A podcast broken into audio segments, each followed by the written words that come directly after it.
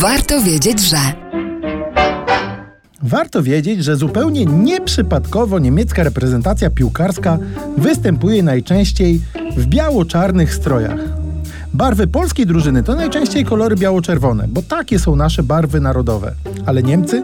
Przecież ich flaga jest czarno-żółto-czerwona. Koloru białego tam nie ma. Wszystko to jest związane z pochodzeniem struktury państwowej, którą dzisiaj nazywamy Bundesrepublik Deutschland.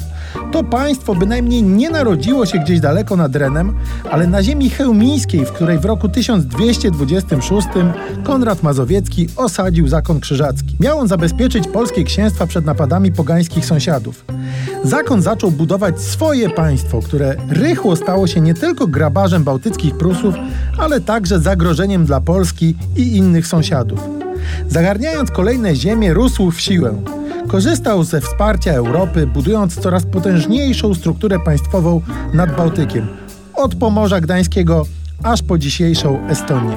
Mijały pokolenia. Dopiero na początku XV wieku Polska pod Grunwaldem przetrąciła krzyżakom kręgosłup, a w 1466 roku zredukowała ich terytorium do rozmiarów Prus zakonnych, które zostały zresztą Polsce podporządkowane niemal na całe dwa stulecia. Już sekularyzowane Prusy książęce odzyskały niepodległość dopiero po potopie szwedzkim. W miarę jak Polska słabła, one rosły w potęgę, tucząc się kosztem naszego terytorium. Jako Królestwo Prus wciąż używali krzyżackich barw, czarnego orła w białym polu. To te Prusy w XIX wieku utworzyły cesarstwo niemieckie zwane II Rzeszą. Potem był wiek XX.